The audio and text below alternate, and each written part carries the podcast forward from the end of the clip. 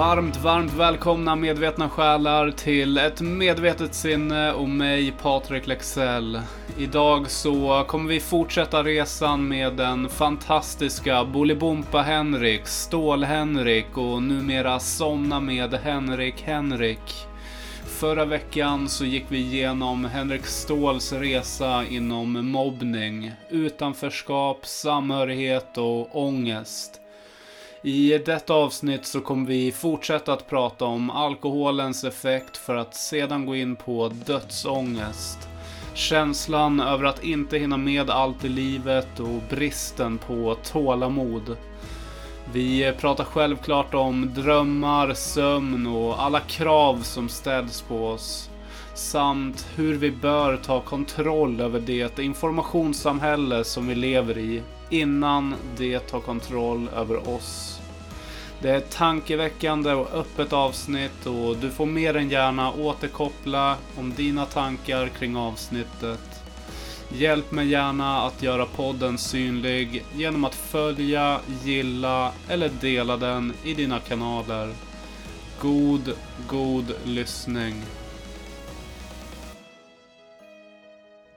Allt, allt dåligt i mitt liv har ju kommit som en effekt av, alltså i vuxen ålder, har kommit som en effekt av alkoholen. Min tinnitus. Mm.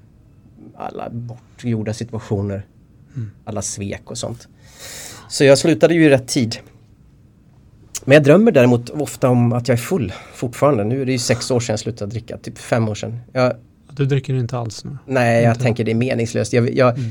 det, alltså, har, jag har ju aldrig varit i den situationen att om jag tar en till, ett till glas då vaknar jag i dike liksom. Där har jag aldrig varit. Ta ett, ta ett trä. Men eh, däremot så ser jag ingen vits. Om jag inte får dricka mig full, då är det skitsamma. Jag har ju liksom, det är inte som att jag känner att åh, det förhöjer smaken till den här potatisen. det är skitsamma. Jag har inte, gud, jag har aldrig brytt mig om, då dricker jag aldrig Pepsi. Liksom. Jag, har ingen, jag, har ingen, jag har inget intresse av liksom, smakupplevelsen av alkohol. Nej. Utan det är ju för att när jag dricker eller när jag drack så kände jag att jag är en bra människa. Jag gillar mig själv. Jag kan snacka med någon om någon altan mm, 30 mm. minuter. Um, framförallt så blir det inte, blir inte så um, Ja, jag var så rädd för att dö också då. då. Då gick det över när jag drack. Då kände jag också att så här, Kom och ta mig då döden! Liksom. Ja, kände, man blir lite odödlig. Det ja. kändes nästan som romantiskt att få dö. Mm. Så kändes det. Och det är ironiskt för när jag började äta, för sen då, jag har alltid varit så paniskt rädd för döden. Sådana fruktansvärda panikkänslor. Och när jag började äta escitalopram så försvann det bara fullständigt väck. Mm. Så det, det, var, det är nog den mest markanta skillnaden. Jag kan häva min panikångest idag. Mm. Den, är, den ligger där och pillar ibland. Mm. Men jag kan häva den. Men den största skillnaden är att jag kan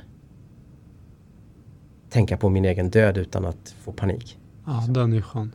Ja, den är jätteskön. Ja. Och jag kan tycka att det känns sakriktigt på ett sätt att dö. Alltså att jag... Inte som att jag går och längtar efter Men att det kan finnas något slags... Ja, vad fan. Det är fint på ett sätt. Mm. Jag, jag, är inte evig och, och gud vad skönt. Eh, att det är något ganska befriande i, i det liksom. Ja men alltså döden är ju en otroligt spännande del. Alltså jag, när jag själv tänker på döden så jag blir ju väldigt så här, typ lugn av det. Mm. Uh, och inte som att jag längtar efter men mer så här att jaha, alltså jag bryr mig inte så mycket. Det, det händer när det händer liksom. Samtidigt så kan det som skrämmer mig mer det är att jag kanske dör imorgon. Det vet man ju inte. Och att jag inte har levt. Den ja. skrämmer mig mer. Att jag ja. inte hinner med allt. Har du också så att du känner att du, att du, du har saker du inte har hunnit göra än? Som ja. du måste göra? Absolut. Ja. Resa mycket. Uh, prova på andra jobb. Träffa fler fantastiska människor. Alltså det finns så otroligt mycket man vill. Eller jag vill i alla fall. Alla kanske inte är så. Nej, en del, var någon kompis jag pratade med, han sa, det är också en, vi börjar bli lite äldre nu. Jag, jag är född 75 Mm. Han också, han sa jag är nöjd, sa han. och då blev jag rädd för då kände jag shit nej, Nej. vad fan, inte Det- än. Nej, det Inte där, än. är, det där är faktiskt också den största rädslan. Så här, Ja. Nej, nu är jag nog nöjd. Nu är jag nöjd. Nu räcker det. Nej, det, det, men det tror jag aldrig att det kommer att göra. Jag tror aldrig, inte för mig i alla fall, jag tror inte jag kommer att känna någonsin att jag är nöjd. Hur ser du dig själv då som alltså, riktigt gammal pensionär? Är du en rockstar då eller vad, vad gör du då? Liksom? Alltså just nu, hade du frågat mig för typ två månader sedan så hade jag ju sagt, ja ah, men det, jag bara högre upp och längre in. Som jag har hela mitt liv längtat efter och är ju nu i färd med att bygga min egen värld helt och hållet. Liksom. Jag är inte, just nu är jag inte beroende av externa arbetsgivare. Jag har ordnat det åt mig själv. Jag lever på min egen podd. Och det går bra just nu. Mm. Och det vill jag fortsätta göra. Liksom. Och det stämmer ju på något sätt. Men nu, alltså för bara ett par månader sedan, apropå det här med att vara olika jag. Bara ett par månader sedan var jag så jäkla inriktad på att, ehm, just konkret bygga podden. Sådana med Henrik. Bygga mina andra poddar. Jag har fler liksom, poddar som jag driver samtidigt. Och jag har ehm, dels bygga den produktionsbolagsbiten. Liksom. Så jag är jätteinitierad av att bygga liksom, ett stort företag som inte bara har med mig att göra. Så den dagen jag blir impopulär så har jag ändå en verksamhet. Liksom. Ja. Ehm, bygga mig själv i sociala medier, jag, det är jag ju jätte inne på också. Så jag vill liksom vara en plattform för folk. Mm. Men nu känner jag, men jag tror att det är för att jag är på väg att gå på semester, att nu vill jag egentligen bara typ vila, typ bara sova och typ läsa böcker. Jag, jag har absolut um, nått någon typ av mättnadskurva i karriärism. ja. Så om du frågar mig just nu så känner jag att i framtiden, då är jag bara jag är, jag är på en bra plats mänskligt och sitter och tittar på saker som ger mig glädje liksom. Ja. För att det, det, det är eh, Det kan jag ibland vara så här känna att jag saknar Jag är väldigt otålig Jag vill vidare hela tiden Jag vill växa, jag vill vidare Och det jag kan känna att jag saknar är Den här känslan som man kan ha när man har jobbat hårt eller tränat hårt och sätter sig ner och dricker en kopp kaffe liksom. Mm. Känslan av att nuet är ta med fan det bästa som finns liksom. Ja. ja. Eller känslan efter två öl. Liksom. Mm. En känsla av att det här är det bästa som finns på hela jorden. Jag behöver inget mer. Eh, så sitta i, i någon, på något, i något hus eller en sommarstuga någonstans och titta på typ barnbarn som leker. Du vet? Alltså den, den kän- och vara nöjd med det Mm. Ja. och inte känna Fan undrar om inte jag borde kolla om det har hänt något på Ja. Insta. ja. ja. Eh, för där är jag nog lite fast nu. Eh, Mm. Jag känner att jag behöver i och med att min verksamhet är jag så är jag lite trött på mig nu. Mm. Fan, inte idag igen. exakt, exakt.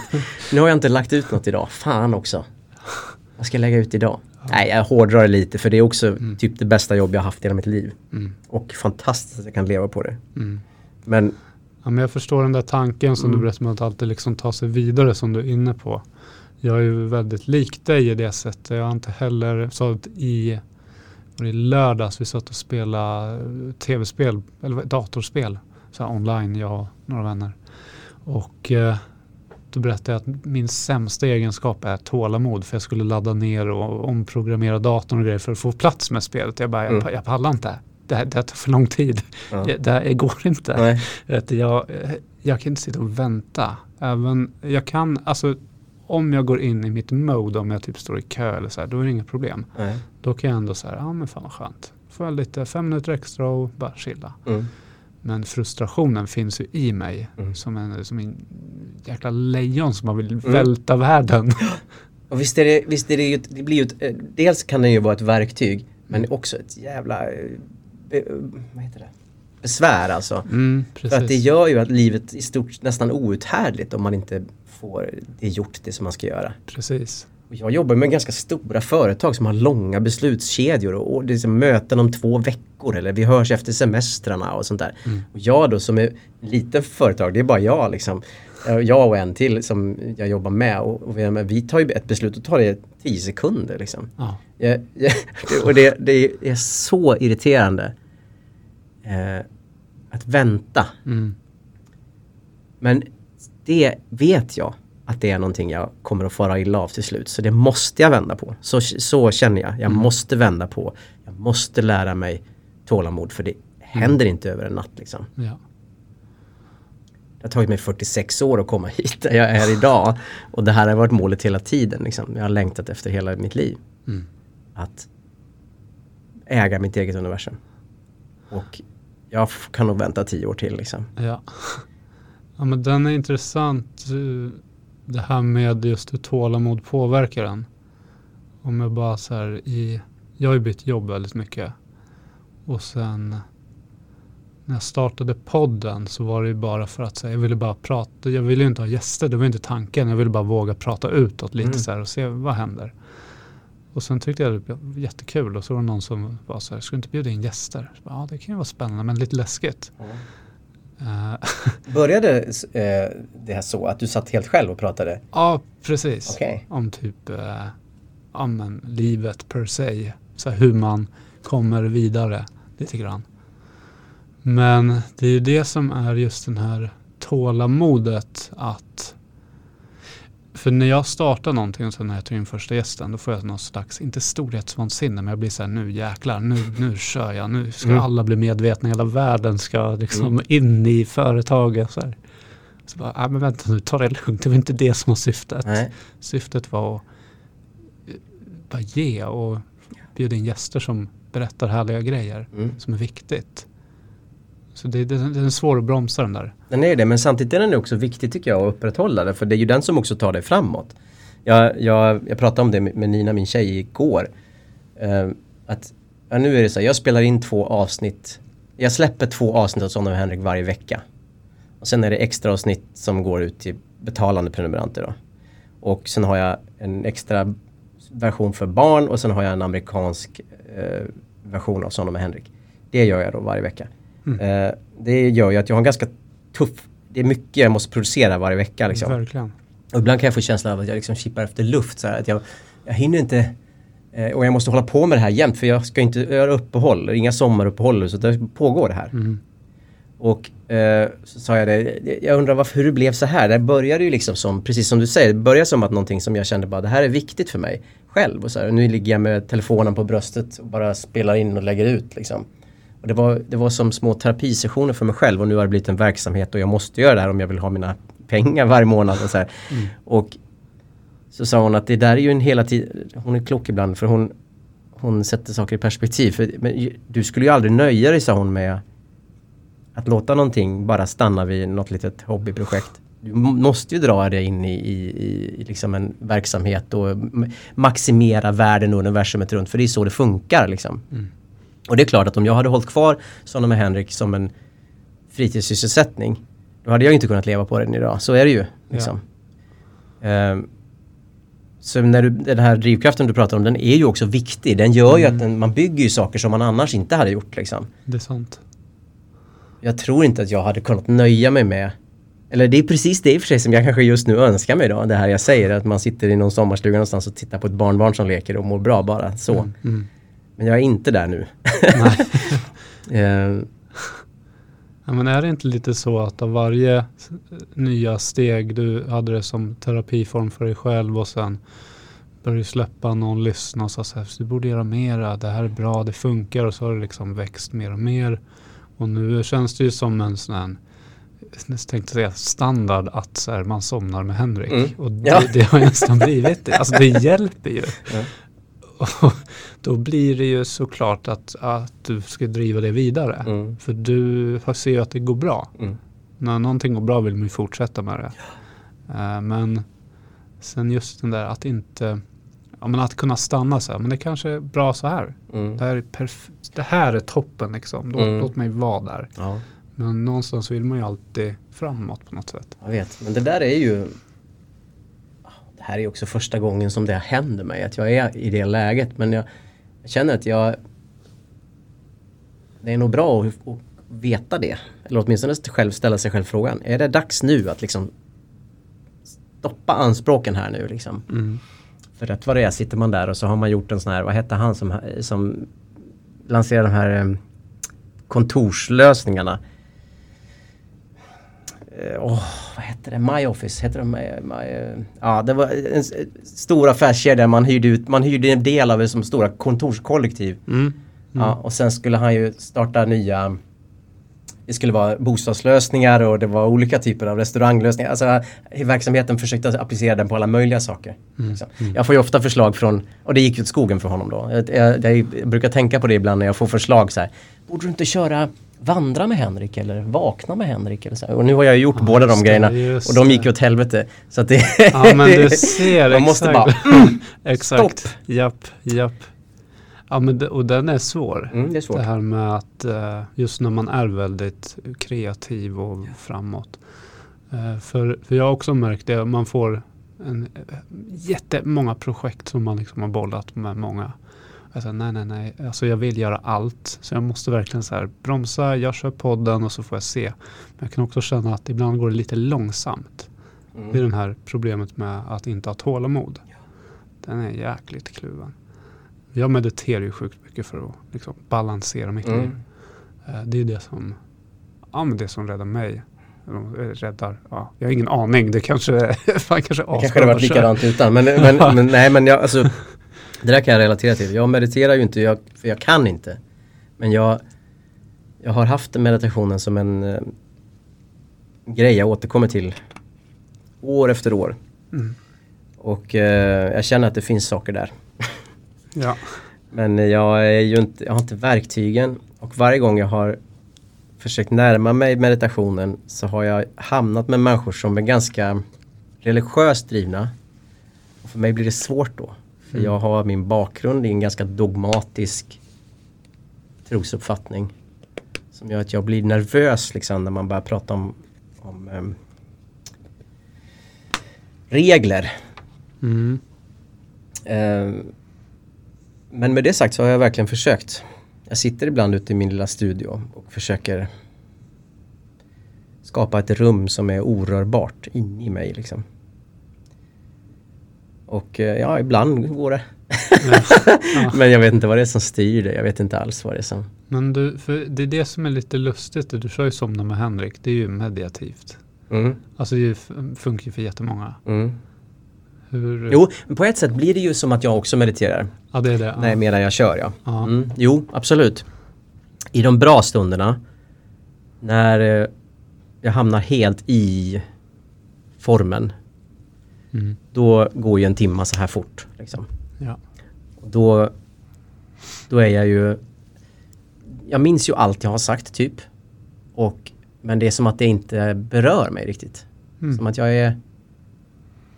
Jag, det finns inga värderingar i det men jag, jag är medveten om allt jag har sagt.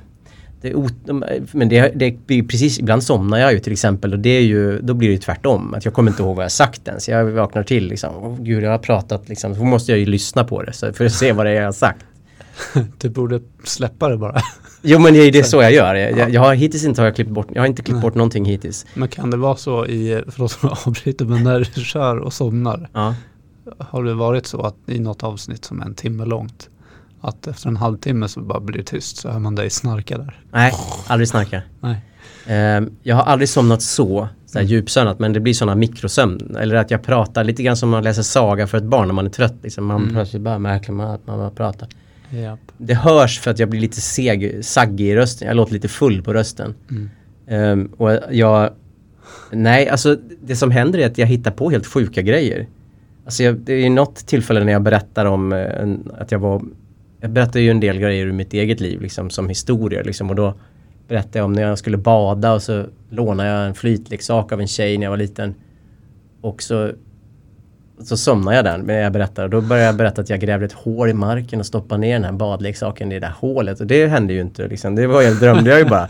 Och så vaknade jag till och så började jag skratta liksom för att jag har sagt helt konstiga saker. Liksom. Så, sånt händer det. Ja, men det är superhärligt. Då svävar du iväg i det Ja. mediativa. Ja. Så det är ju fantastiskt. Säger du mediativa? Ja, Säger, säger man så? jag vet inte. Mediativa? Ja, Ja, det är som ett medium. Det är som ett, det är ett medie ja, man rör sig igenom. Du, du kommer till en annan galax typ. Vad intressant, jag har aldrig hört uttrycket. Mediativ. Ja, Jag har inte tänkt på det på så. Som du tänker. Mediativ.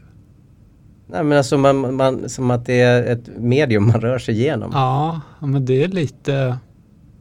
För när jag mediterar och jag har ändå läst en del och gjort det länge. Så är det ju, alltså det handlar ju om att komma till ett högre medvetande. Mm. Vi har ju alla olika lager. Vi har undermedvetna, det medvetna, över, övermedvetna och sen har vi det bortom det medvetna. Så det finns liksom fyra lager och frågar du någon annan så säger han att det finns åtta eller två. Alltså det är väldigt så här, det finns många olika aspekter. Men jag ser det som att normalt 90% av vardagen så är vi ju i det undermedvetna. Mm. Så vi ska ju ta oss igenom olika lager för att nå det högre medvetandet där vi bara svävar iväg och typ somnar. Ja. Är det det man gör när man når, är det det som är, man går in i drömmen liksom? Ja, precis. Och den är ju en, en del av Inception, har du sett den? Mm. Ja, den är ju sjukt spännande för där är Ja. också olika lager Ja, går igenom. Mm. Och den finns ju också att träna upp, att man kan vara vaken i sömnen. Vet, ibland kanske Ja, lucida inte- drömmar. Ja, Jag har försökt hela mitt liv. jag är för, det går inte. Jag försöker titta på mina händer i drömmarna och allt möjligt och sånt. Men har du inte känt någon gång i drömmen att du märker att du drömmer? Så här, att du är vaken typ? Och Nej. vaknar upp? Ja, inte som jag minns det. Mm. Och då är jag ändå otroligt intresserad av drömmar. Jag minns ofta mina drömmar. Jag drömmer ofta om samma saker. Jag brukar lova mig själv att nu när jag drömmer om det här i natt igen, att jag springer och är för sent till något flygplan, det drömmer jag jätteofta. Då, Intressant. ja, ofta olika gater och sånt. Okej. Eller taxi, att jag ska åka taxi någonstans. Du är på väg någonstans? Ja. Mm. Och att jag är ofta i bekanta miljöer som är plötsligt mycket större och så här. Jag är ofta på Dramaten eller SVT och springer omkring och hittar inte och sånt. Mm. Och så, ehm, eller i ett annat land. Jo, då brukar jag tänka, nu när jag drömmer om det här i natt, då ska jag tänka, det här är en dröm, jag drömmer om det här jämt, nu ska jag ta kontrollen. Men ja, det är som att jag glömmer det. Så fort jag kommer in i drömmen så är det bara... Men sen jag började äta antidepressiva så kommer jag ihåg mina drömmar mycket mer. Mm. Och jag drömmer mycket mer livligt. Alltså det är mycket mer eh, starkare känslor i drömmarna nu. Ah, Okej, Som jag tydligare upplever. bilder också. Ja, Mm. förmodligen är det väl att jag minns det på ett annat sätt liksom när jag vaknar. Mm. Eh, ja. Ja, den där är ju intressant för där har jag faktiskt inte riktigt någon aning om varför man minns vissa drömmar. Det vet jag inte.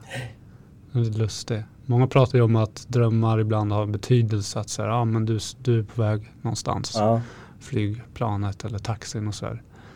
Och då finns det kanske en djupare betydelse. Att det, det, är du, det är det undermedvetna som håller på att jobba och rensar. Ja. Så någonstans finns det en djupare mening att hämta där. Ja. Eh, Men det kan man ju också vara så här, ja eller inte. Alltså det beror ju på hur djupt man vill gå. Exakt och jag menar det, eh, allting är ju på något vis en spegel av en spegel också.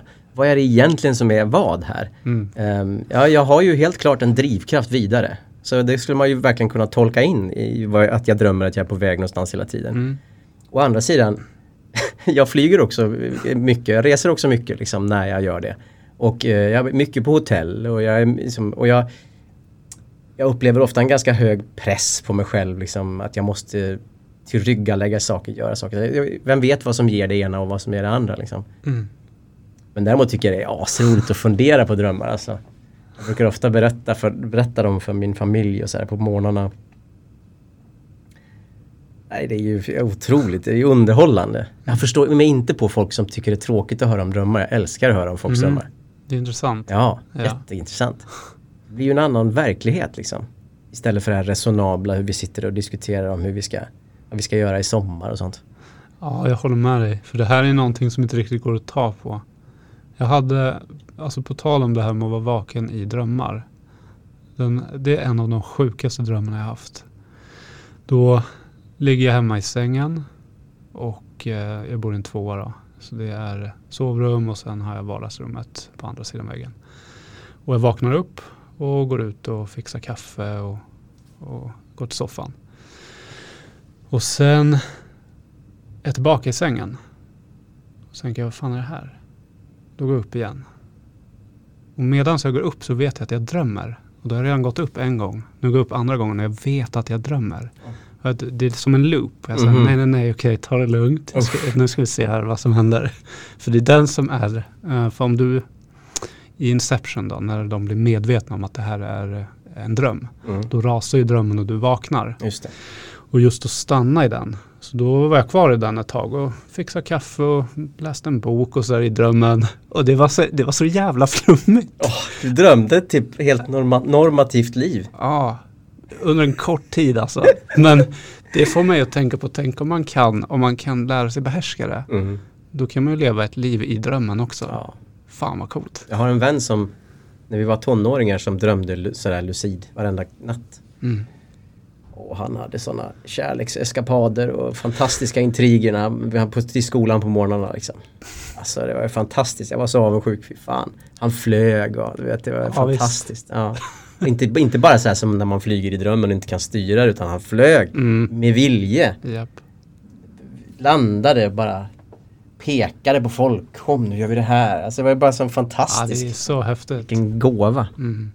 Men det, han slutade, han kan inte det längre. Det försvann när han blev större, äldre. Ja. ja, jag tror det fantasidelen försvinner när man blir lite äldre på Ja. något sätt. Man blir lite mer fantasilös. Barnasinnet liksom trappas bort. Ja, Men på tal om somna med Henrik då och sömn. Sover du bra? eh, när jag väl somnar så sover jag bra. Mm. Men eh, jag har ju alltid haft svårt att komma till ro. Liksom. Jag, om jag är i en fas när jag inte är i harmoni liksom, och känner mig färdig med dagen, då är det jättesvårt för mig att somna. Eh, så att mitt original, min originaldygnsrytm, om den inte var påverkad av jobb och familj och sånt, så skulle jag ju sova till 12 på, för, på dag, dagarna, liksom lunchen. Och sen skulle jag gå och lägga mig vid fyra på nätterna. Liksom. Ja. Så har- jag ju levt största delen av mitt liv som singel och arbetslös. De gånger jag har varit det.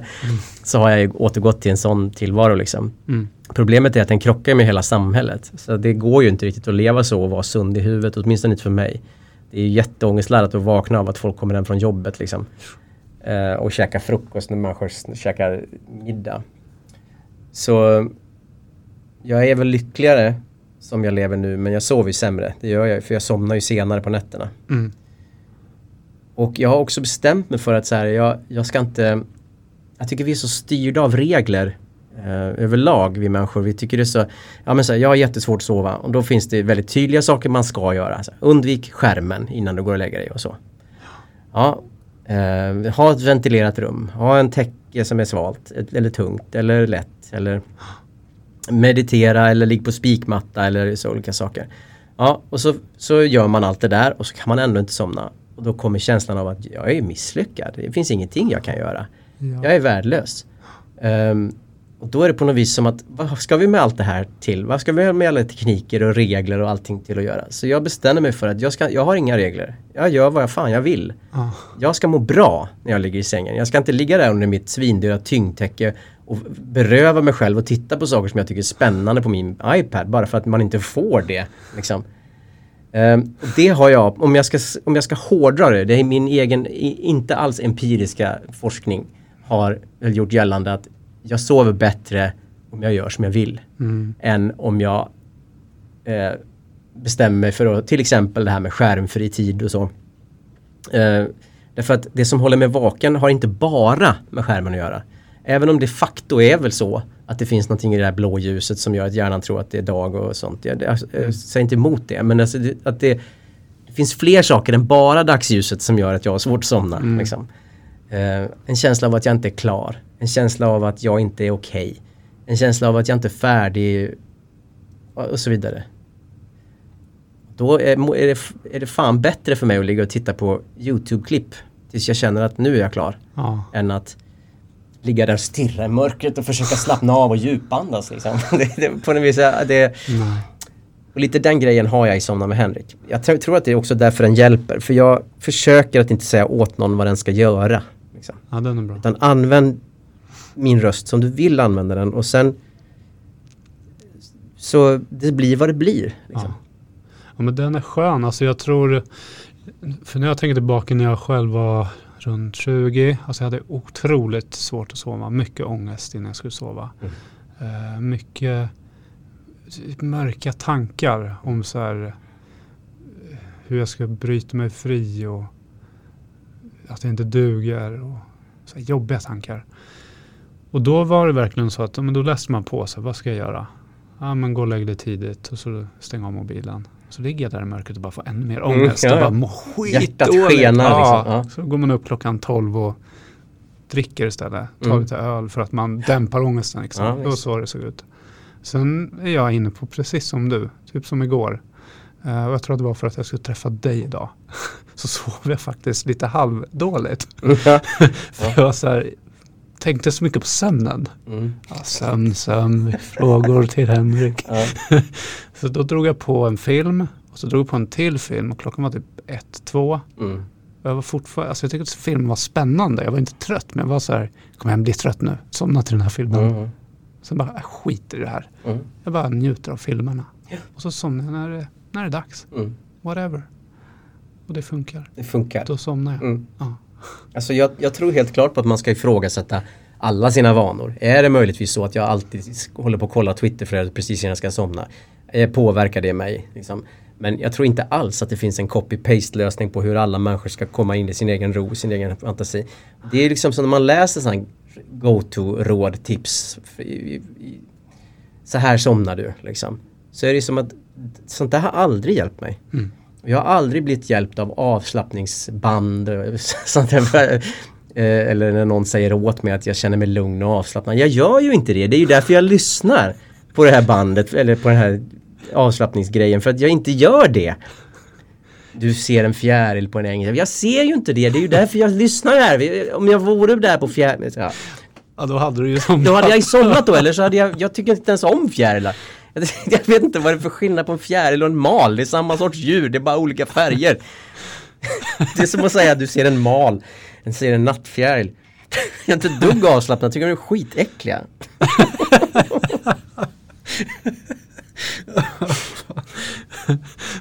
Man kanske skulle, om jag nu skulle göra en så här meditation till dig, så skulle det nog i så fall vara mer så här, tänk på vad fan du vill. Mm. Alltså verkligen så, så ja, men som du gör dina. Mm. Bara säg, gör vad du vill, vad som händer, det händer. Mm. Den, den är bra. För då behöver, jag- jag- har ingen press på sig. Nej, precis. Det kan bli som det blir. Mm. Och eh, det hjälper ju mig när jag ska göra avsnitten också. Mm. För att om jag hade haft någon slags press på mig att jag skulle vara rolig eller intressant. Då hade jag inte klarat av, jag har inte orkat hålla på som jag gör. Liksom. Nu blir det ändå roligt och intressant ibland därför att jag inte har de kraven på mig att jag måste vara det. Mm. Men det är en fin balansgång, det är lite som din dröm där att, att eh, rätt- om man börjar fokusera på det då rasar det ju liksom. Mm. Man måste hela tiden hålla sig omedvetet medveten. Eller medvetet omedveten kanske det är Mm. snarare. Ja, den är intressant.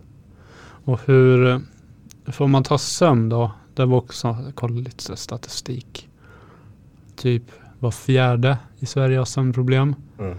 Och det är mycket kopplat till att man ja, men har svårt att somna för att man har mycket tankar.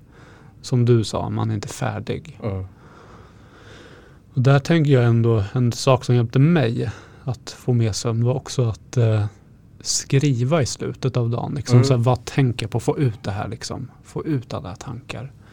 Eh, och ibland så kan det hända att jag får en till tanke av det jag skriver.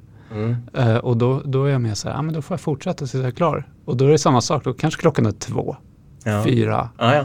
Men just den här kravlösheten, jag tror att det, tror att det är den som är ja, nyckeln då. jag tror det. Mm. Jag tror överhuvudtaget i livet att det är kravlösheten som gör väldigt mycket som Det är ju intressant ändå att vi lever i en tidsålder när vi kan, liksom, när vi lever längre än någonsin. Och jag menar nu, det är stormigt i världen nu. Ehm, så det, jag, och jag är ju orolig precis som alla andra över saker.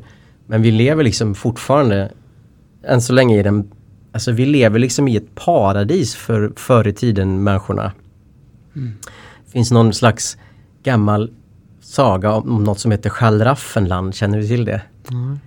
Schallraffen. Ja, jag tror den heter Schallraffenland. Och det är ju någon gammal medeltida saga eller myt om eh, ett land där alla får där, där, som är paradis på jorden. Mm. Eh, där eh, eh, jag kommer inte ihåg exakt, men det, det som beskrivs är vår tid. Liksom. Okej. Ja. Det är människor som går på gator som är stenlagda, eh, som har, får alla sina behov tillgodosedda. Alla sina fysiska behov. Eh, som har kontakt med varandra.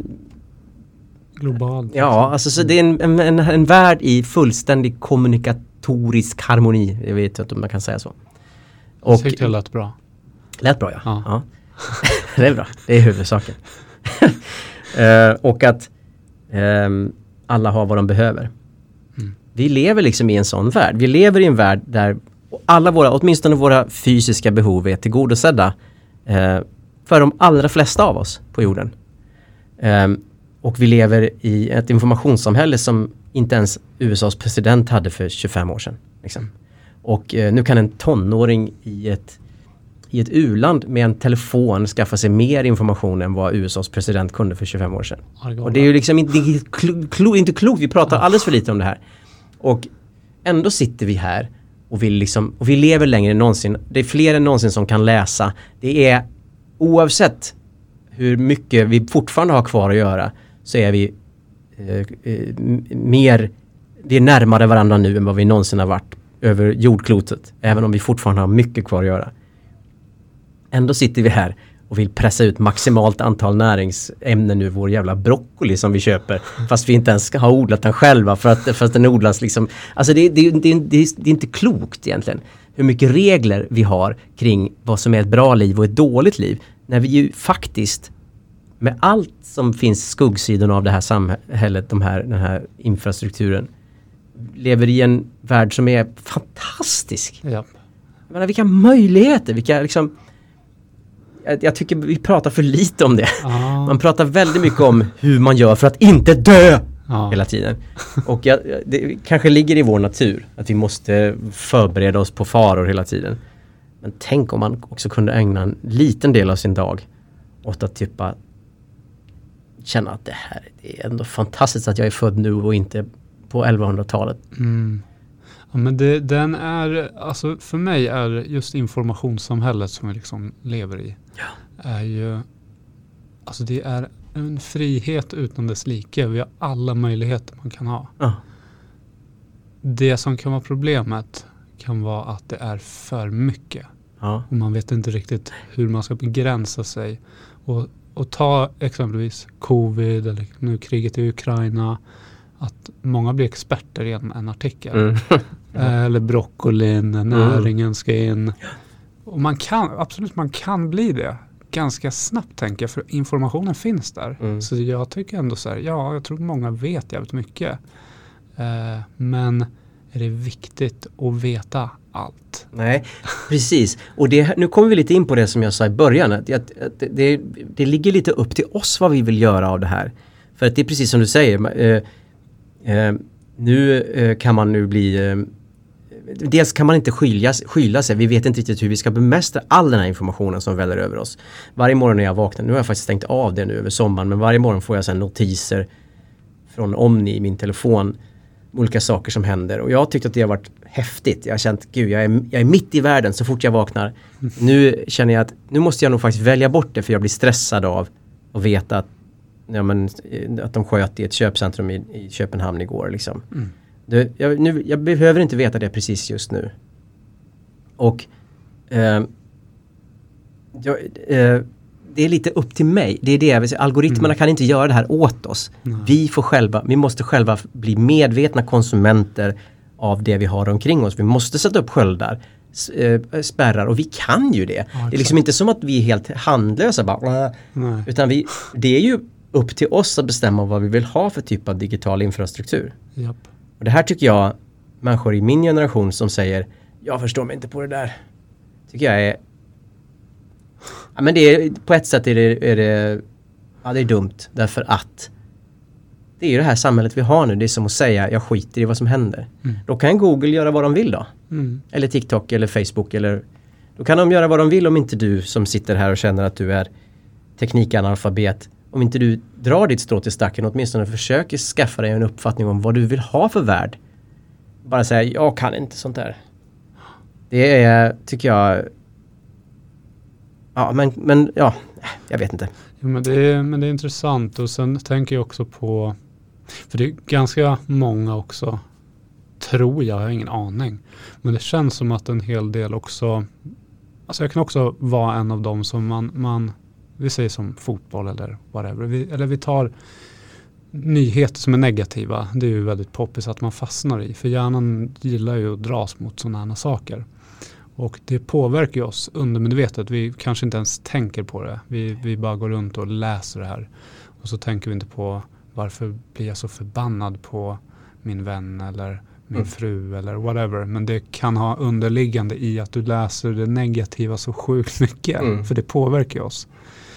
Eh, och sen också den här delen med att faktiskt som du är inne på det här medvetet välja att kunna liksom begränsa sig. Mm. För det märkte jag själv när jag började med Instagram. Jag var en sån här scrollare tror man kanske kallar det. Mm.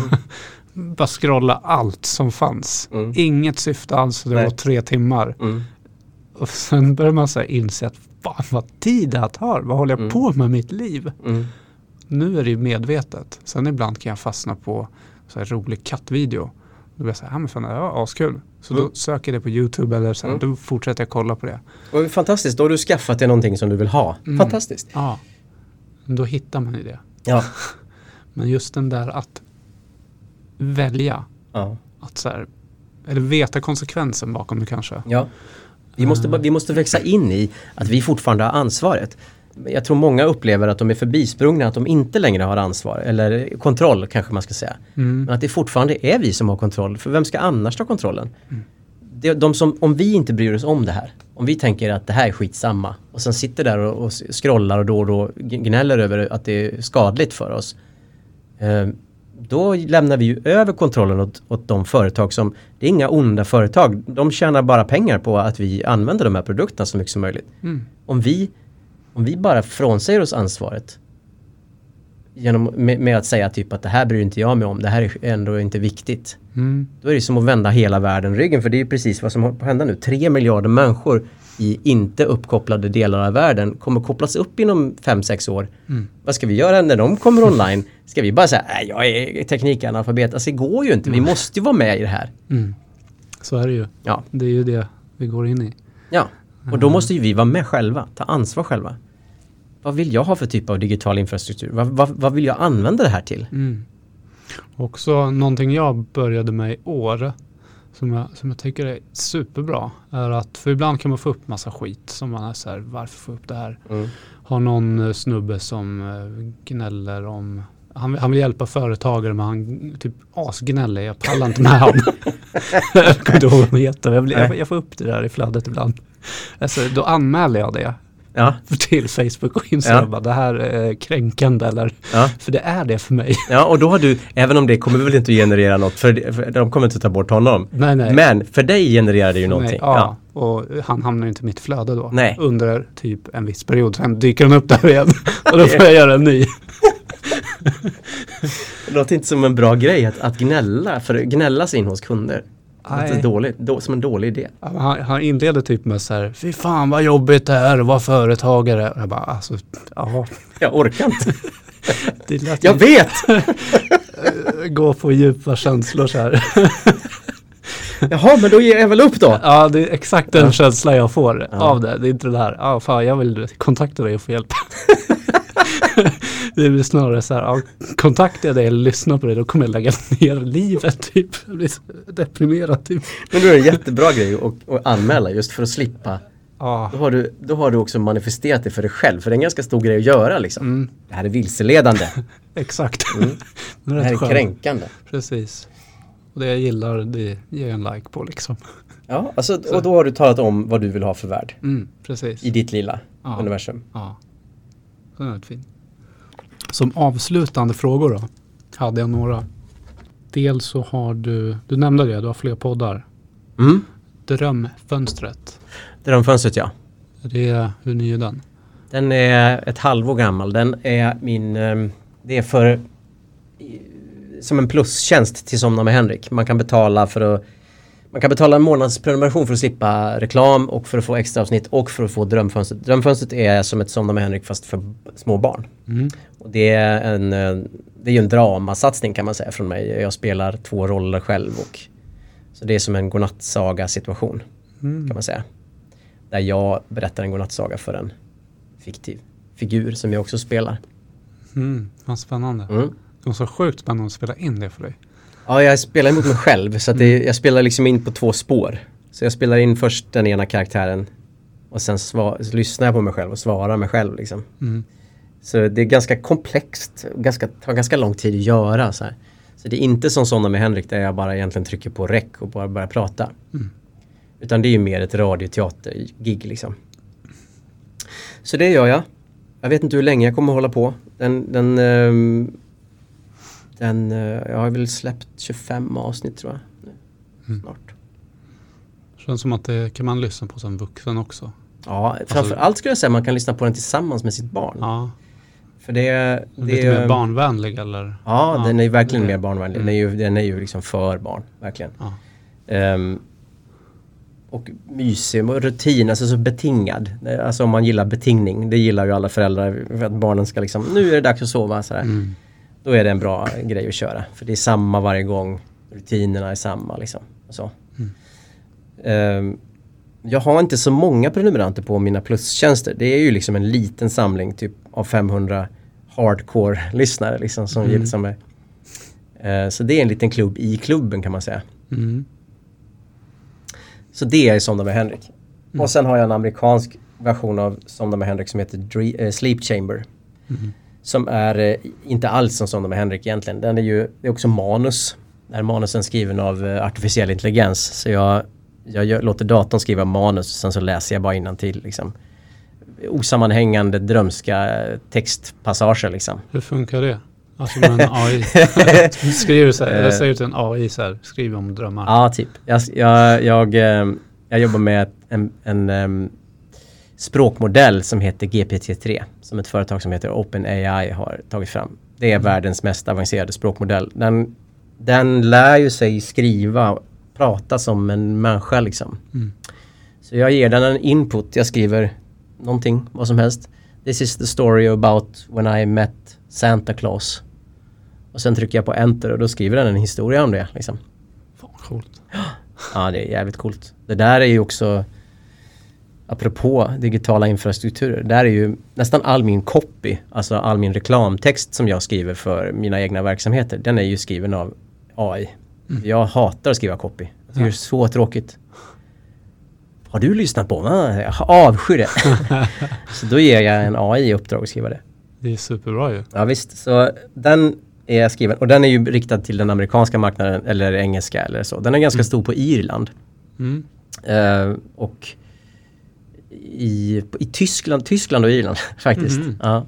Men den är fortfarande ganska liten, den är inte så uh, vidspridd. Och den är ju inte som sådana med Henrik i så mått att där får man ju mig som en Mm. person. Liksom.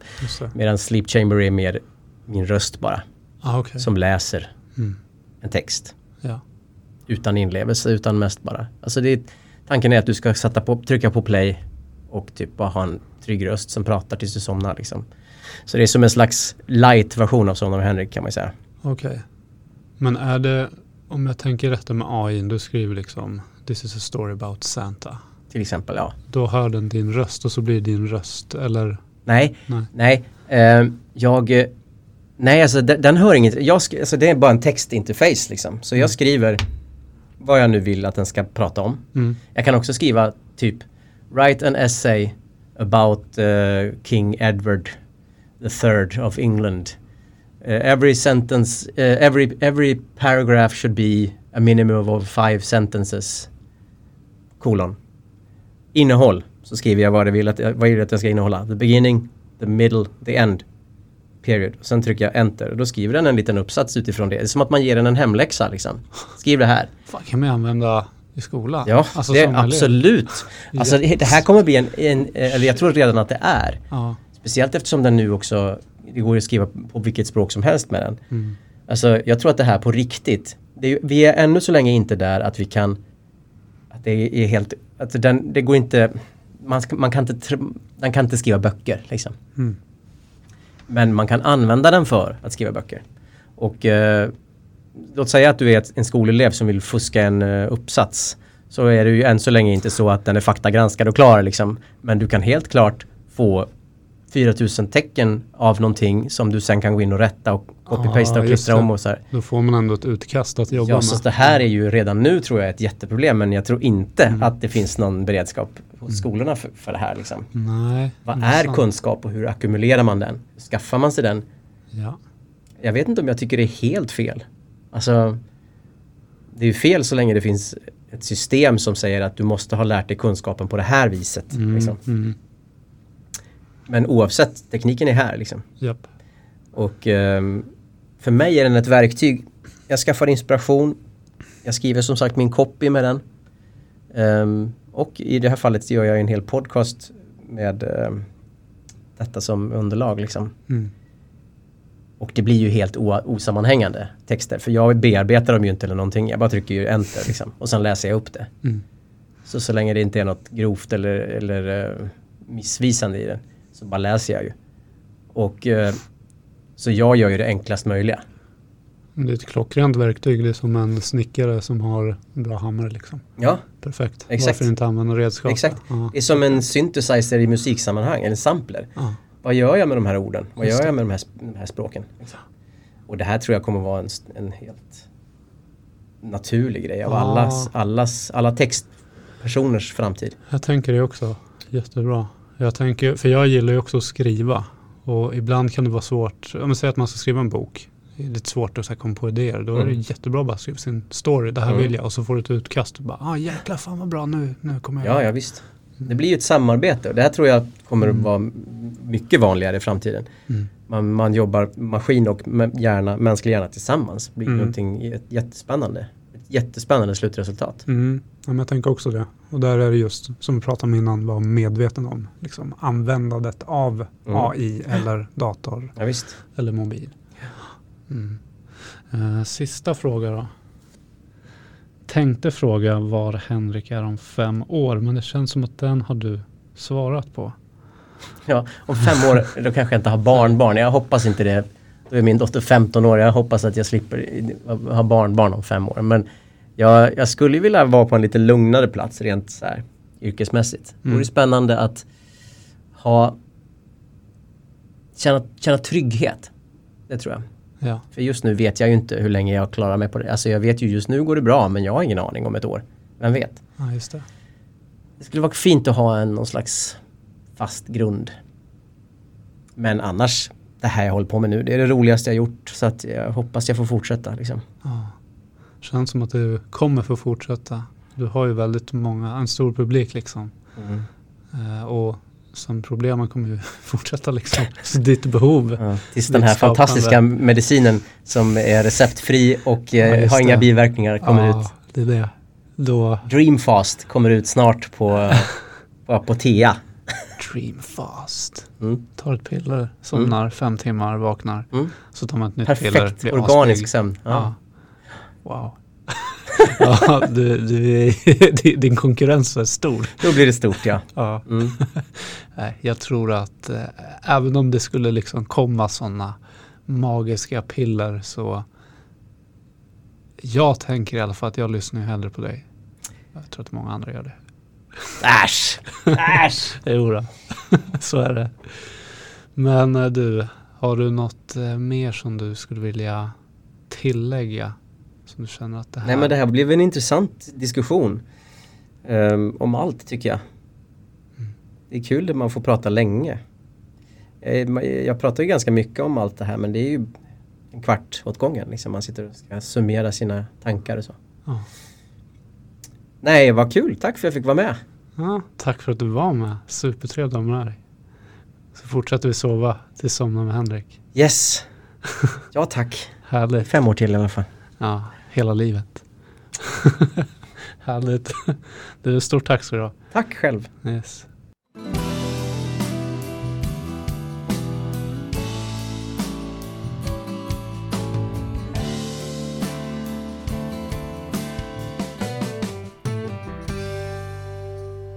Jag vill eh, tacka dig för att du har lyssnat och deltagit i detta avsnitt. Och eh, om du gillade avsnittet så glöm inte att eh, följa, gilla och dela podcasten.